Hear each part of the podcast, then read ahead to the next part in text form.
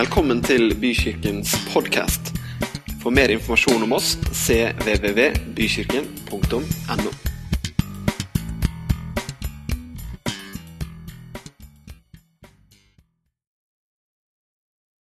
Overskriften på det jeg skal dele noen tanker om i dag, er, det er en veldig lang overskrift. Tilgivelse. Å bli sett og forstått og se og forstå andre. I parentes, det er mye skam ute og går. Det er overskriften for uh, dagens budskap. Og Jeg skal begynne med å lese, lese en tekst fra Bibelen som står i Hebrebrevet, kapittel 4, uh, vers 15 og 16. Og der står det For vi har ikke en ypperste prest som ikke kan ha medlidenhet med oss i vår skrøpelighet, men en som er prøvd i alt i likhet med oss, men uten synd.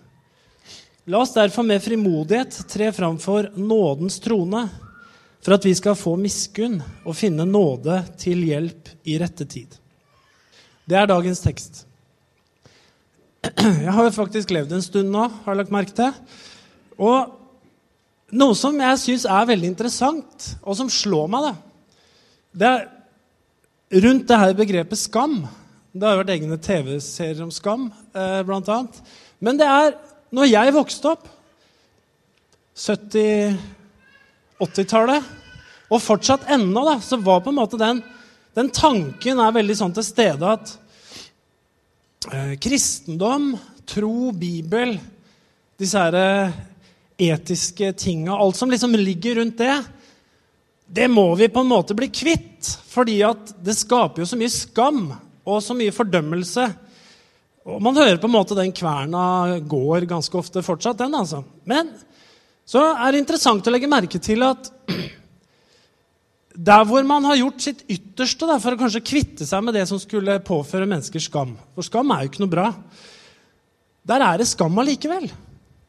Det dukker bare liksom opp på, på nye områder. Eh, og det slår meg at det er noe som mangler, da. Og det er det her med nåde. Ikke sant? Når nåden forsvinner fra kristen liv og kristen tro, så blir det jo helt forferdelig. Da er det bare lover og regler igjen. Og mislykkahet, selvfølgelig. Og i samfunnet òg, om det ikke er noen nåde, om det forsvinner ut, da, og Det er nøye knytta til den kristne arven vår. ikke sant? Det her med nådeforståelsen. Så blir det mye etikk og moral og mye rett og galt og mange idealer som ikke vi klarer å fikse, og som blir, ender opp med skam allikevel. Og det bør ikke ha noe med Bibelen å gjøre engang. Det kan jo liksom ha å gjøre med om du, om du spiser eh, hamburger eller ikke. Altså, Skjønner du hva jeg mener? Det dukker opp på nye områder, bare. Og så tenker jeg, vi kan ikke bare vi kan ikke bare gi etter. på en måte. Noe er jo riktig, og er, ting er jo viktig. og sånn. Og Derfor er det så viktig det her med nåden i Bibelen er jo ikke bygd på at man bare blåser i ting og gir etter. Det er jo bygd på at den er betalt. Altså skylda er betalt. Det er liksom et sånt legalt, juridisk godt grunnlag for at skammen kan tas av oss. Eh, I den engelske The Messenger-oversettelsen så står det om denne ypperstepresten. da. We don't have a priest who is out of touch with our reality. He's been through weakness and testing, experienced it all, all but sin. So let's walk right up to him and get what, we, what he is so ready to give. Take the mercy, accept and help. Eh, to ord om her, eh, den teksten her. Jeg skal snakke litt om den teksten her. Fordi det står at Jesus er vår ypperste prest. Og det er jo henta fra Det gamle testamentet, hvor, hvor ypperstepresten var et forbilde på Jesus. Og veldig kort fortalt så var det sånn at ypperstepresten han representerte folket innenfor Gud. Han var en mellommann mellom Guds folk, israelsfolket, og Gud. Sånn at blant annet, da, En av de, en av de tingene ypperstepresten gjorde, var at han gikk inn i det aller helligste tempelet en gang i året og sona synden for hele folket. Eh, og det var nødvendig å gjøre hvert år, ikke sant? for det var, eh, det var ikke et fullkomment offer. Men ypperstepresten var således var han en mellommann som gjorde at Guds nåde eh, ble værende over folket, og at Guds velsignelse ble værende over folket. Og Når det står at Jesus er vår, vår ypperste prest, så er det jo det som Nytestemte snakker om. Han er mellommannen. Det er ingen annen vei til Gud enn gjennom Jesus Kristus. Så han er den mellommannen som vi trenger, da, og som vi kan komme til for å få tilgivelse og for å finne nåde for livet våre. Og det er, det er fantastisk, men da, da er det liksom Hva slags ypperste prest er han? Er han en som tar imot oss? Eller er han en som ser oss? Er han en som forstår oss? Tar han imot alle? For tenk om Jesus hadde avvist noen av oss. Noen av oss måtte bli stående utenfor med skammen. Vi hadde ikke fått Guds tilgivelse, vi hadde ikke fått nåde. Det hadde vært katastrofalt. Men det som er så fantastisk med Jesus, og som jeg har lyst til å ta med litt videre inn i hvordan vi også skal leve i forlengelsen av hvordan han er, det er ikke bare det at han kom for å sone våre synder. Men det står noe fantastisk i den teksten her. Det står at han er han er ikke en ypperste prest som ikke kan ha medlidenhet med oss i vår skrøpelighet, men han er prøvd i alt, i likhet med oss. Og I den engelske så står det, jeg sier det igjen uh, han, He isn't out of touch with our reality. Og jeg tenker på det her altså som noe som er veldig fantastisk og veldig fascinerende. fordi at jeg ser for meg gamle, den gamle pakten, det gamle testamentet, så, så, er Gud Gud er himmelens Gud. Gud er i himmelen. Eh, den hellige ånd Jesus er i himmelen. De ser, de har utvalgt et folk. Eh, de har gitt dette folket en hel mange ting for å hjelpe dem. Altså, de har fått loven, og de har fått seremonier, og de har fått ledere, og de har fått profeter, og de har fått konger, og de har fått prester, og de har fått en hel masse ting som skal hjelpe dem for at det skal gå bra. Men det går ikke så bra. Det går stadig gærent, faktisk. Selv om liksom alt på en måte er tilrettelagt, da, så går det gærent allikevel. Det er masse idealer, mange lover, mange ting som er godt. Alt er godt. Men de klarer ikke å gjøre seg bruk av det på riktig måte. Og så sitter Gud der i himmelen. Jesus er i himmelen. Og så er det som om Gud han mangler noe. Det er, det er noe Gud ikke helt har. Det høres rart ut. Men det må være sånn, fordi at Gud har kunnskap om menneskene. Gud vet alt. Han ser alt. Men han har ikke erfart å være menneske sjøl. Han har ikke opplevd det som vi opplever. Ikke sant? Så Gud ble enig med seg selv om Og Gud er Jesus, ikke sant? Der ble treenigheten veldig Vi må ikke gå inn i det, det blir masse rot. Eh, holdt jeg på å si. Men når Jesus kommer, så er det Gud som kommer til jorda. Og Gud blir menneske.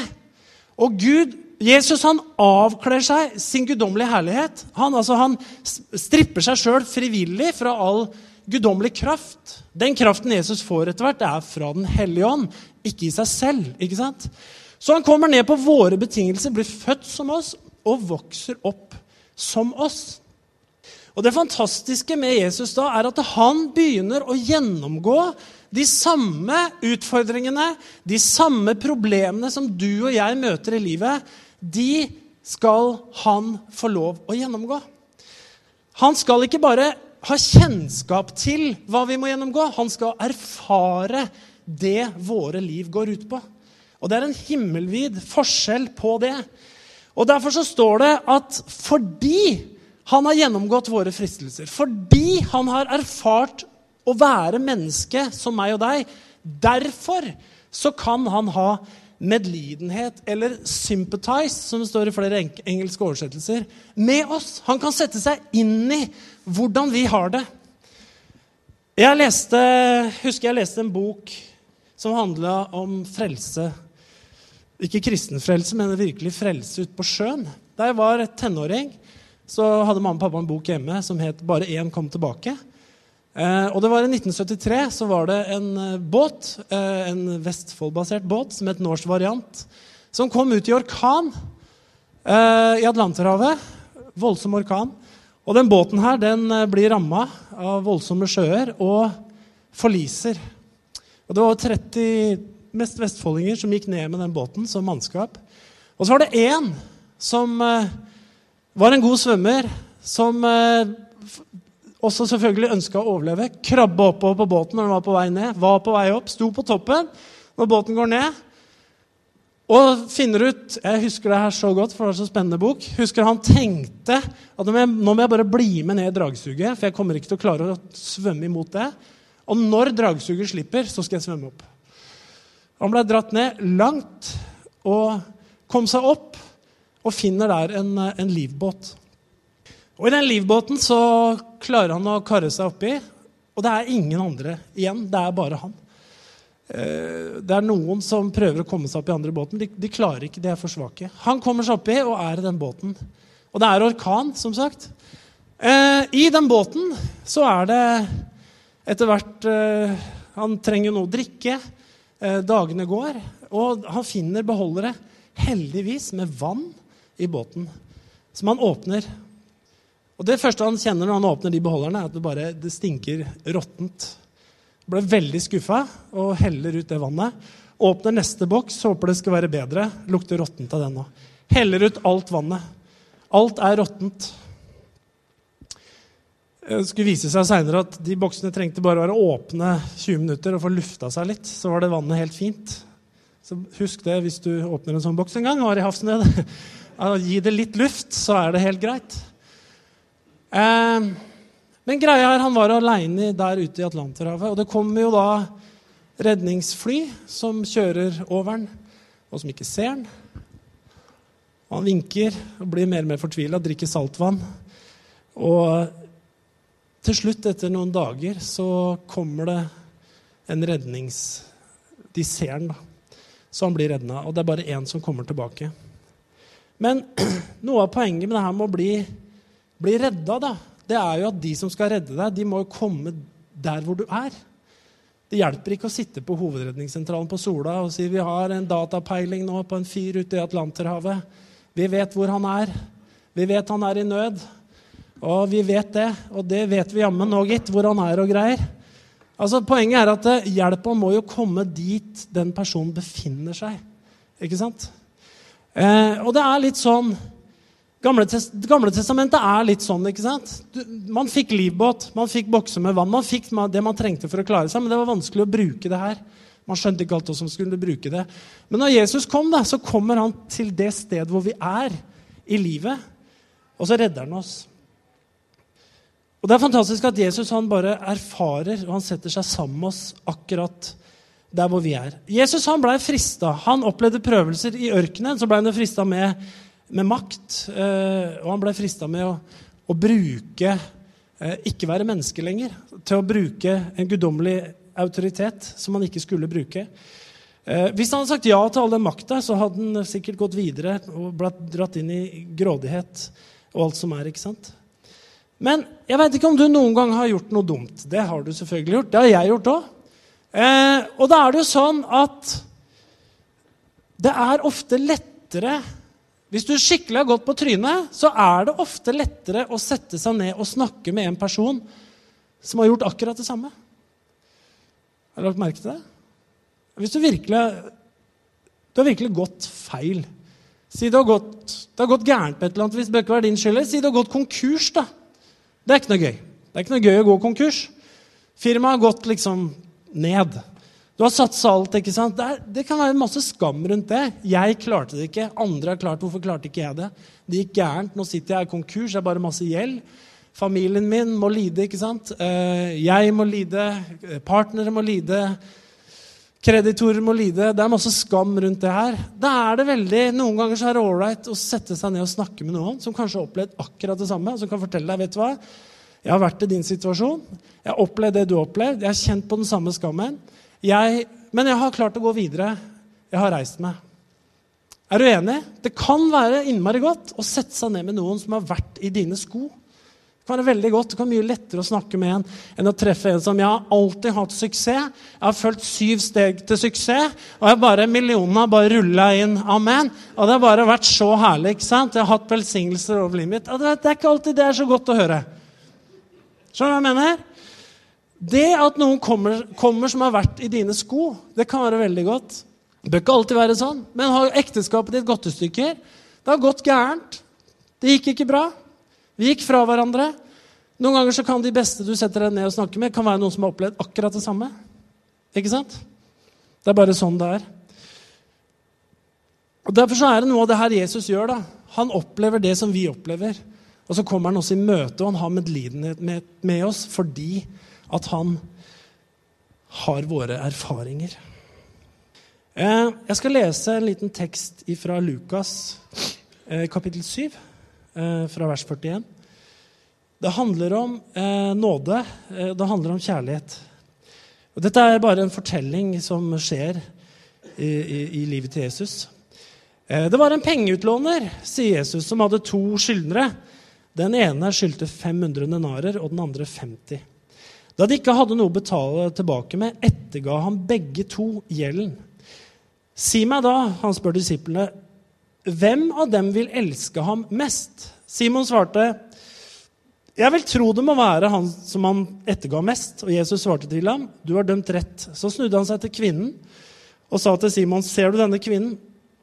Skal jeg ta forløpet før vi leser videre? Forløpet er at Jesus han har blitt invitert på middag hos en av fariseerne. Eh, og Det er litt sånn der eh, open house, virker det som. Fordi at han takker ja til invitasjonen. Det er mange mennesker der. Og når han er i det huset, så kommer det en kvinne. Og når hun kommer, så identifiserer fariseerne henne veldig tydelig som en synderinne. Jeg vet ikke på hvilken måte, men uh, nærliggende å tenke at det, er, at det, er, seksuelt. Han har hatt mange menn, kanskje hun var prostituert. noe i den gata der. Men hun var liksom offisielt en synderinne. Hun var kjent for det. Hun bar nok på mye skam i livet. Derfor så sier Jesus da, ser du denne kvinnen? Jeg kom inn i huset ditt. Du ga meg ikke vann til føttene, men hun vansket føttene mine med tårer og tørket dem med håret sitt. Du ga meg ikke noe kyss, men denne kvinnen har ikke holdt opp med å kysse føttene mine siden jeg kom inn. Du salvet ikke hodet mitt med olje, men denne kvinnen har salvet føttene mine med velduftende olje. Jeg sier deg, hennes synder, de som er så mange, er henne tilgitt. Derfor elsker hun så mye. Men den som har fått lite tilgitt, elsker lite. Så sa han til henne, 'Dine synder er deg tilgitt'. Eh, og det her er jo paradokset, da. At denne kvinnen, som hadde gjort mange synder, tydelig, som var kjent for å være en synderinne, hun oppsøker han som ikke har gjort en eneste synd. Det syns jeg er litt fantastisk. Fordi hva var det med Jesus som gjorde at hun ville komme til han? Det, må, jeg, det er ingen tydelig sånn forhistorie her. Men det må kanskje ha vært summen av den Jesus var, hva folk hadde fortalt om Jesus, hva han underviste, hva han sa, hvordan han så på mennesker, hvordan han møtte mennesker, som gjorde at hun kommer til det huset. Og Det står tidligere i teksten at når hun kommer inn, så begynner hun å gråte. står det. Når hun kom i nærheten av der hvor Jesus var. Så det var noe med han som bare berørte henne. Kan ikke se at han har holdt noen sånn invitasjon for deg. Hvis du kommer der klokka fire i morgen, så skal jeg tilgi deg syndene dine. Hun oppsøker Jesus, for hun vet at når jeg kommer til han, så er det nåde å få. Og Det er det som er så bra. At det er, Sånn er Jesus for oss også. Det er nåde å få når vi kommer til Jesus med våre liv som har gått i stykker. Når vi kommer til Jesus med skammen vår, så er det sånn at det er alltid nåde å få. Hun møtte en som forsto henne, som hadde medlidenhet med henne, som sympatiserte med henne. Jesu fokus var her og er alltid gjenopprettelse. Det er ikke å holde fast på en sånn syndeidentitet, men det var å gjenopprette den kvinnen her. Det var hans store mål. Nå var det en kvinne der i byen som levde et syndefullt liv. Da hun fikk vite at Jesus lå til bords hos fariseeren, kom hun dit med en alabastkrukke med fin salve. Hun stilte seg bak Jesus nede ved føttene og gråt. Fariseeren og vennene de var mest opptatt at hun var en synderinne. Det var det hun var. Det var liksom det hun hadde vært sitt voksne liv. Hun hadde gjort for mye, hun hadde for mange svin på skauen. Det var liksom bare den hun var. Men hun gråter før Jesus har tilsagt henne syndenes tilgivelse. Det måtte ha vært noe med hvordan Jesus var. I denne historien er det tydelig at den kvinnen egentlig er en sånn utstøtt. En som ikke passer inn. Og På den tida her så levde jo fariseerne de levde jo etter loven. Og Det var mange lover og regler og idealer som var til for å holde. Og Jesus han annullerer jo en god del av dem. For eksempel, når det er mat og drikke, så sier han det der setter jeg bare en strek over. Fra nå av kan dere spise og drikke hva dere vil. Ikke sant? Så det var mange ting som de holdt veldig høyt, som Jesus satte en strek over. Og så var det ting han ikke satte en strek Det er fortsatt ikke greit å gå og drepe folk og sånn. Eh, så mye av loven er jo bevart. Men en del ting satte han strek over. Men poenget er at det var veldig mange idealer som denne kvinnen sikkert hadde brutt. Du skal, du skal ikke, du skal, du skal ikke. Og fariseerne målte denne kvinnen veldig konkret på alt hun hadde gjort som hun ikke skulle gjøre. Og det ble skam. Selvfølgelig var hun full av skam. Men hun hadde også et håp om nåde.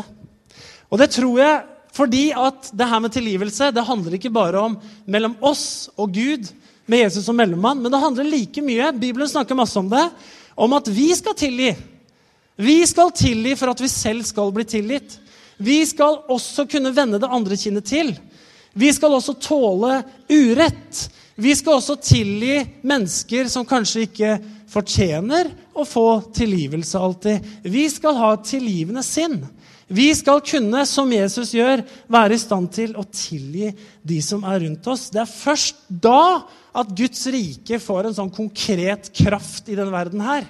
Det er jo ikke greit du, hvis vi liksom er tilgitt Mine personlige synder er tilgitt av Gud, men jeg kan ikke tilgi deg. Jeg veit hvem du er. Jeg husker nok hva du har gjort. Da får Guds rike veldig liten kraft i den verden her. Og sånn er det altså i dagens samfunn. det er kanskje ikke I Norge i dag eh, så er det kanskje liksom ikke en Moseloven som står så veldig høyt oppe som idealer på mange ting. Men idealer endrer seg hele tida. Og det er mange idealer som kommer, og så går de, og så kommer det nye. Og så videre. Altså på 70-tallet skulle man drikke askavkok for å være sunn. Er det noen som husker det? Primavera, drikk ask, min venn. Det er hva du trenger. Er det noen som husker den, eller? Drikk ask, min venn. Da blir du frisk og fin. Det er ingen som drikker askavkok lenger. Eh, det er på en måte, det er på en måte vekk, da. Så de som var ekstra sunne da, de drakk askavkok. Det jeg husker det var på nyhetene og alt mulig da jeg var liten. Jeg skjønte at det her Mora og faren min drakk jo ikke askavkok, så liksom, hvordan går det med oss? Det eh, gikk bra, det òg. Eh, altså for ti år siden skulle du kjøre dieselbil hvis du skulle være miljøvennlig. Det gjør du ikke nå, for å si det sånn. For sju år siden skulle alle ta svineinfluensavaksine. ikke sant? Hvis ikke så var du med å ødelegge barna dine, noe vi ikke tok. Eh, fikk veldig mange rare blikk, husker jeg. I, jaså, det er det paret som ikke har gitt ungene sine svineinfluensavaksinen. Ja, vi sto imot, vi. De er friske enda. Det gikk bra. Eh, altså, og I dag så skal du kanskje ideelt sett være veganer og kjøre elbil. Altså, Ting kan forandre seg veldig mye, da. Og det er så viktig at ting blir riktig hele tida. Og så er det ikke det som er så viktig. Altså, ting, vi kan liksom strebe etter perfeksjonisme hele tida. Det var det fariseerne gjorde. De strevde jo etter perfeksjonisme hele tida. Altså, de ga jo tiende av mynte og karve og anis. Jeg vet ikke om du har anis hjemme i krydderhylla, men det er noen, det er noen små frø, altså. Og de ga tiende av det òg. Men Jesus sa dere forsømmer jo det som er viktigere. Det er greit nok at du teller anis. Ti anis, én til tempelet. Altså, men altså Dere forsømmer det som er viktigere, sa Jesus. Det er barmhjertighet og nåde. ikke sant? De tingene her, Det er det som, som virkelig teller. Og Oversatt til moderne sammenheng så kan vi jo bli litt sånn engstelige da, med alle idealer som kommer. Og så, skal ting, ting må bli helt riktig. Hvis ikke så går vi rundt og skammer oss litt. Det kan ha med materielle ting å gjøre, det kan ha med kroppen vår å gjøre, det kan ha med økonomien vår å gjøre, det kan ha med mange ting, det kan ha med hvilke venner vi har, hvordan vi ser ut. Altså, det er så mange ting som kommer og går litt, ikke sant? Opp og ned på den måten her. Og så blir vi redde og så blir vi litt sånn engstelige, for vi må få ting riktig. Hvis ikke så går det helt gærent. Og jeg tenker at det er noe befriende da, med det her nådebudskapet. At vi må få lov å leve litt på. Og går det gærent noen ganger, så er det ikke fordi vi ønsker å gjøre alt gærent, men vi, vi, vi feiler som mennesker. Det er en realitet. Og Derfor er det fantastisk at Jesus han har kommet ned til båten vår. Han har satt seg i vårt sted, og han kan, har erfart det vi har erfart. Og det er viktig at du får lov å erfare ting. Det er greit. Og faktisk er Paradokset i Bibelen er jo at det gode kan bli vendt til noe godt. Og det er jo paradokset i den situasjonen den kvinnen her. Hun hadde gjort dårlige ting. La det, ingen, la det ikke være noe tvil om det. Det livet hun hadde levd, var ikke et bra liv. Det hadde dårlige konsekvenser. Hun hadde gjort dårlige ting. Det var syndig, det hun hadde gjort. Og Jesus sier også at hun har gjort syndere, og det er mange. Men det fantastiske er at på den andre sida av mynten, når hun får møte Guds nåde, så skjer det noe veldig fantastisk. For han sier det at den som har fått tilgitt mye, han elsker jo enda mer. Og det blir jo en ganske bra konsekvens av all den synden du har gjort. Skjønner du hva jeg mener? Ja, men da er det jo bare å sette i gang og synde. bygge opp syndekontoen og få tilgivelse etterpå, så får jeg veldig mye kjærlighet til livet. Jeg tror ikke på den der kyniske tilnærminga der. Det gjør ikke Bibelen heller. Men når det har skjedd, i møte med Guds nåde, så får det en fantastisk andre side av saken. Idealer er jo veldig bra. Men det kan bli veldig vanskelig hvis vi mister begrepet nåde av syne. Det kristne verdens- og menneskesynet sier at verden ligger i det onde. Det sier at mennesket har falt, vi har en syndig natur, og at vi alle gjør synd. Den som sier at han ikke har synd, er en løgner, sier Jakob. Bibelen sier at vi trenger hjelp i form av betingelsesløs kjærlighet for å holde oss på beina og kontakt med Gud. Altså nåde, betingelsesløs kjærlighet. Bibelen sier at vi ikke skal sette oss sjøl på en pidestall og leke dommere i en periode der vi klarer oss ganske fint. For det er en periode vi klarer oss ganske fint. Og Da sier Jesus at dersom noen mener at han står, så må han passe på så han ikke faller. Ikke sant? Og Bibelen sier at vi, burde, vi må ta imot nåde og tilgivelse ganske rundhånda, være åpne på både ta imot og det å gi nåde og tilgivelse.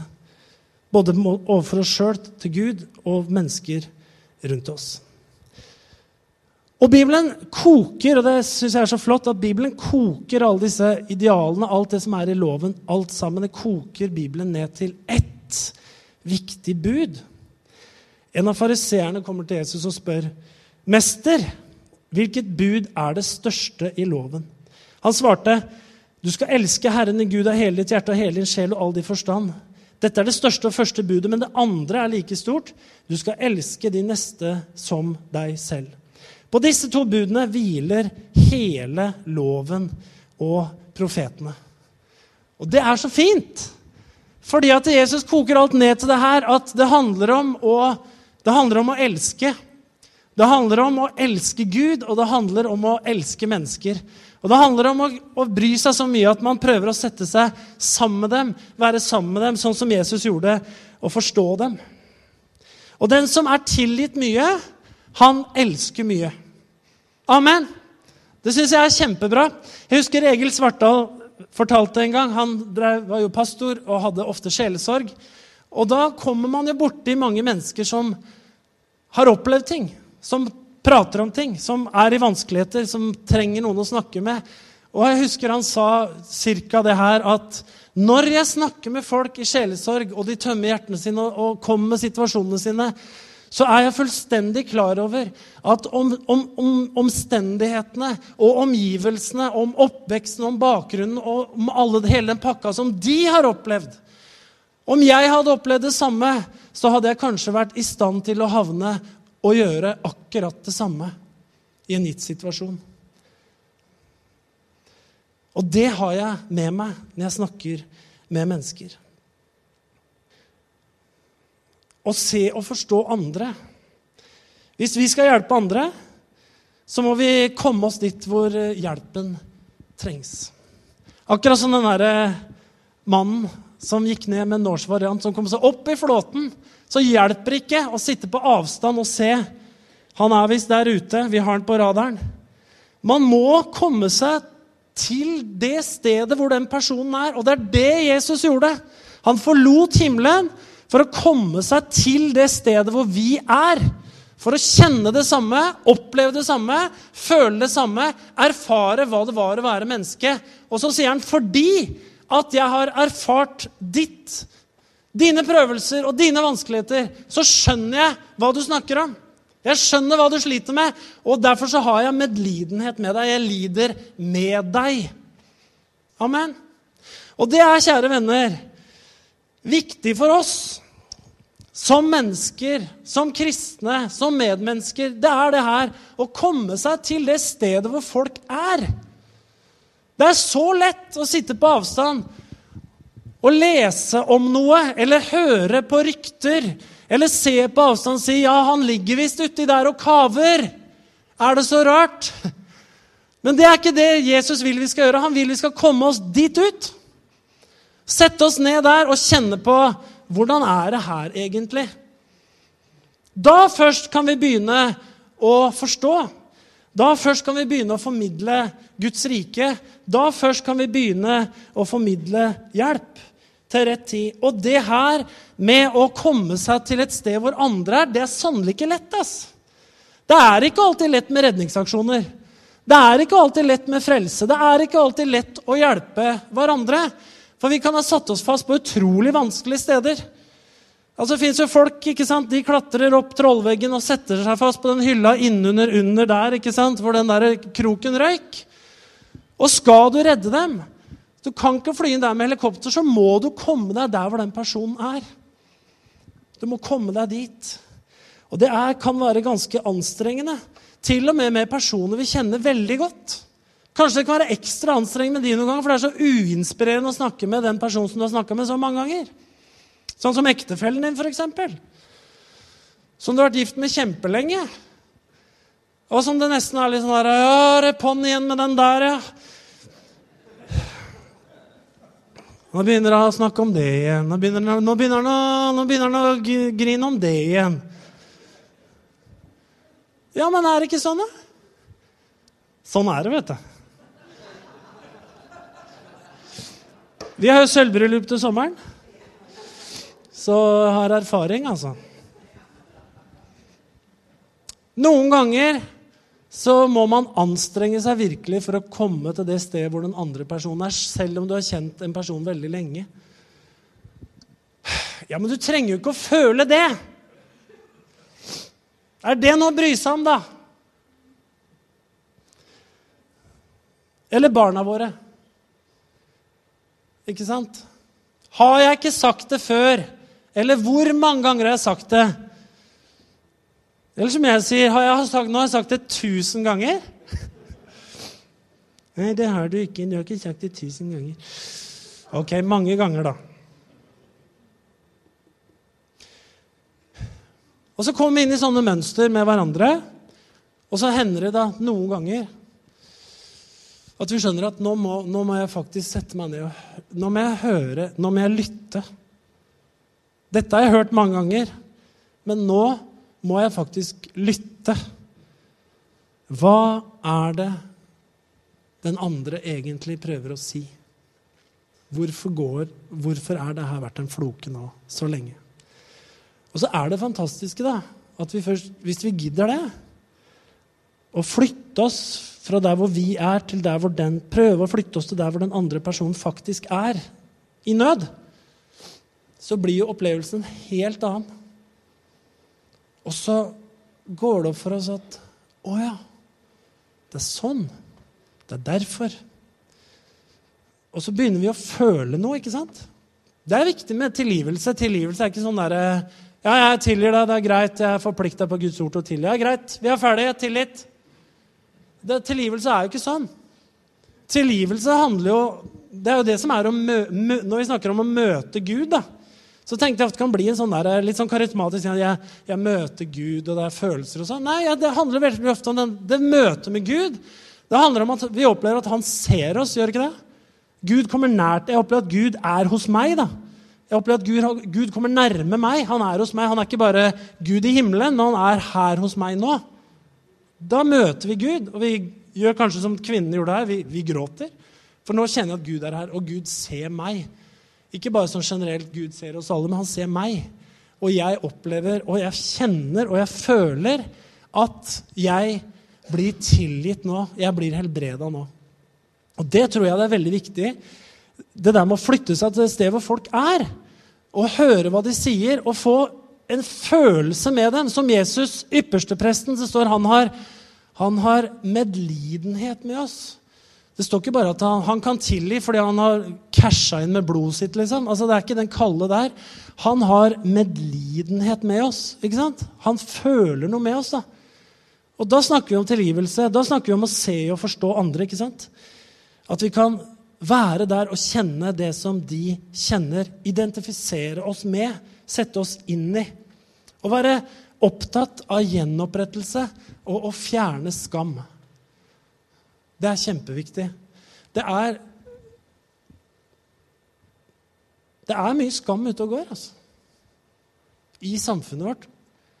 Ikke bare blant kristne for at vi har idealer i Bibelen og sånn som vi ikke syns vi fikser alltid. Men generelt. Det er mye skam i samfunnet. Eh, og han Kilde Aarebrot jeg husker ikke fornavnet på han, han skrev en kjempebra artikkel i Aftenposten akkurat. hvis du kan leite den opp. Det heter 'Vi må snakke om synd', skrev han. Han er jo prest. Fordi at det syndebegrepet Nå skal jeg avslutte hvert øyeblikk. se. Men syndebegrepet det, måte, det har vi på en måte skyfla, prøvd å få ut av verden, av samfunnet vårt. ikke sant? Det moderne Norge. Vi snakker ikke om synd lenger. Eh, fordi folk har frihet. ikke sant? Men så, så dukker det opp ting da som blir som blir veldig gærent. Altså, Vi lever i metoo-året som var. ikke sant? Og det er jo ingen tvil. Det er jo synd som skaper problemer. Og det skaper en helt utrolig mye skam. Og det har jo skjedd utrolig mye vondt og masse overgrep. Og mange som har lidd pga. synd. Rett og slett så er det jo synd.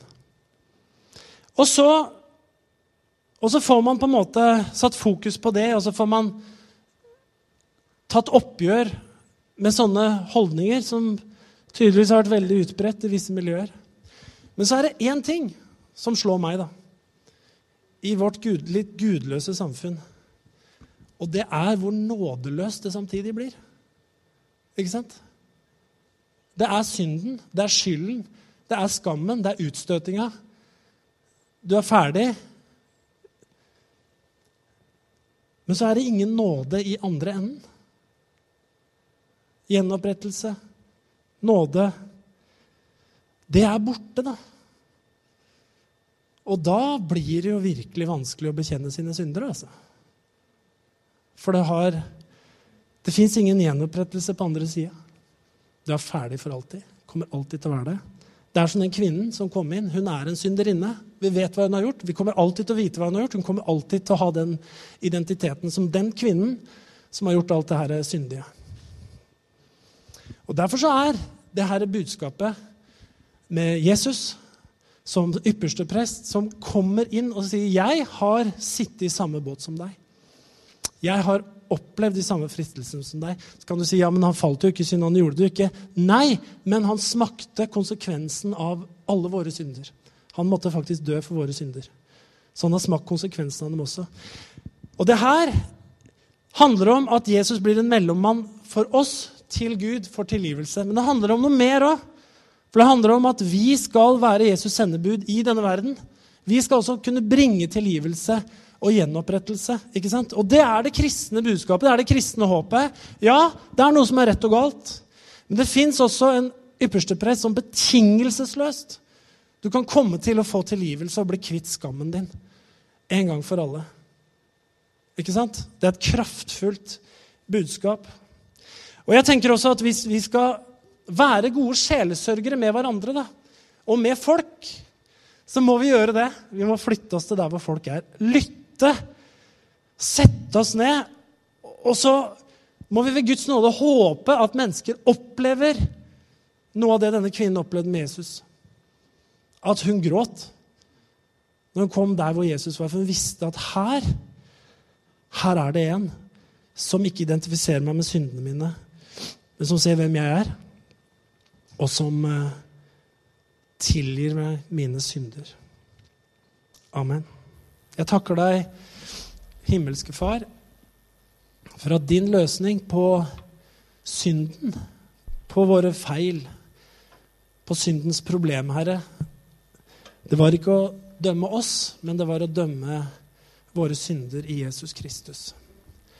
Jeg takker deg, himmelske Far, for at vi har fått uh, mulighet til å komme til deg uten skam, uten å måtte slå blikket ned, fordi at du sendte Jesus, som både erfarte våre liv, og som sona våre synder en gang for alle.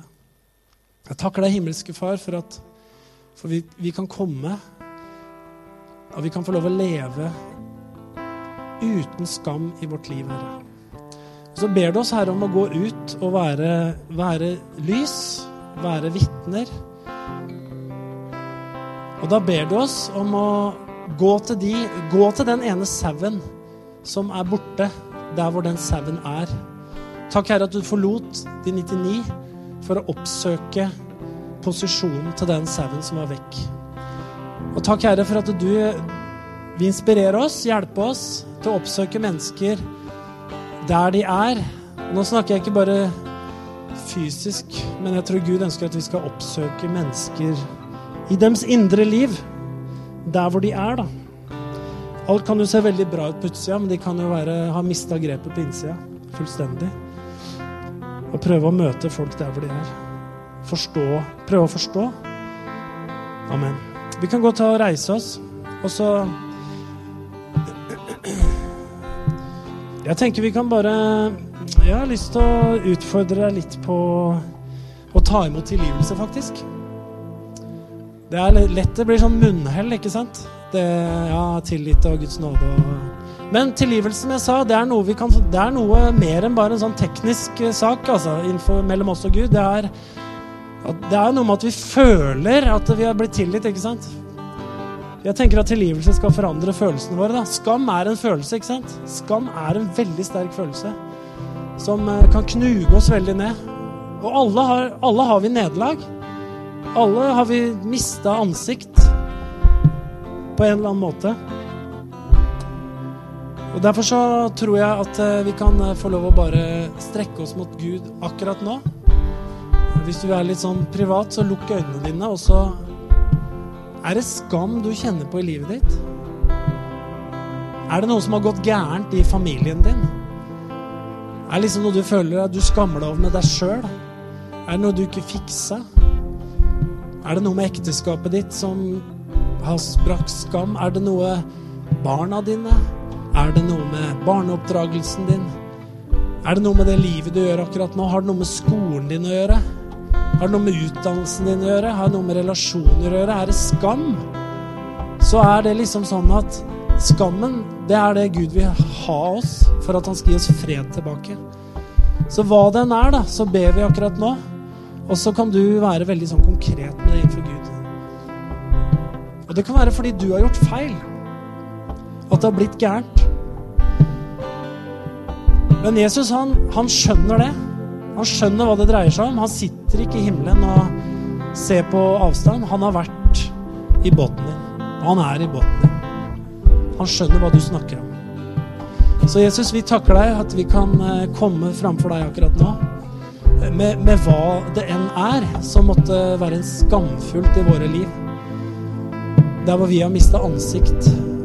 Ting ikke vi har lyst til å ta fram, Herre. Takk for at vi kan komme til deg akkurat nå og legge det hos deg og at du har sona for våre synder. At du har tatt skammen, Herre. At vi kan få lov å be om tilgivelse. At vi får det uten bebreidelse. Takk for det, Herre. Takk for det, Herre. Og hjelp oss å tilgi oss sjøl. Hjelp oss å tilgi oss sjøl. Hjelp oss å tilgi omgivelser, Herre. Hjelp oss å slippe Slippe de tingene, Herre, så vi kan gå videre. I Jesu navn. Hjelp oss til ikke å være flaue for å snakke om det. Hjelp oss til ikke å være flaue for å si at sånn var det, Herre. For da kommer vi videre. Så ta imot Guds tilgivelse og vær tilgitt i Jesu navn. Amen.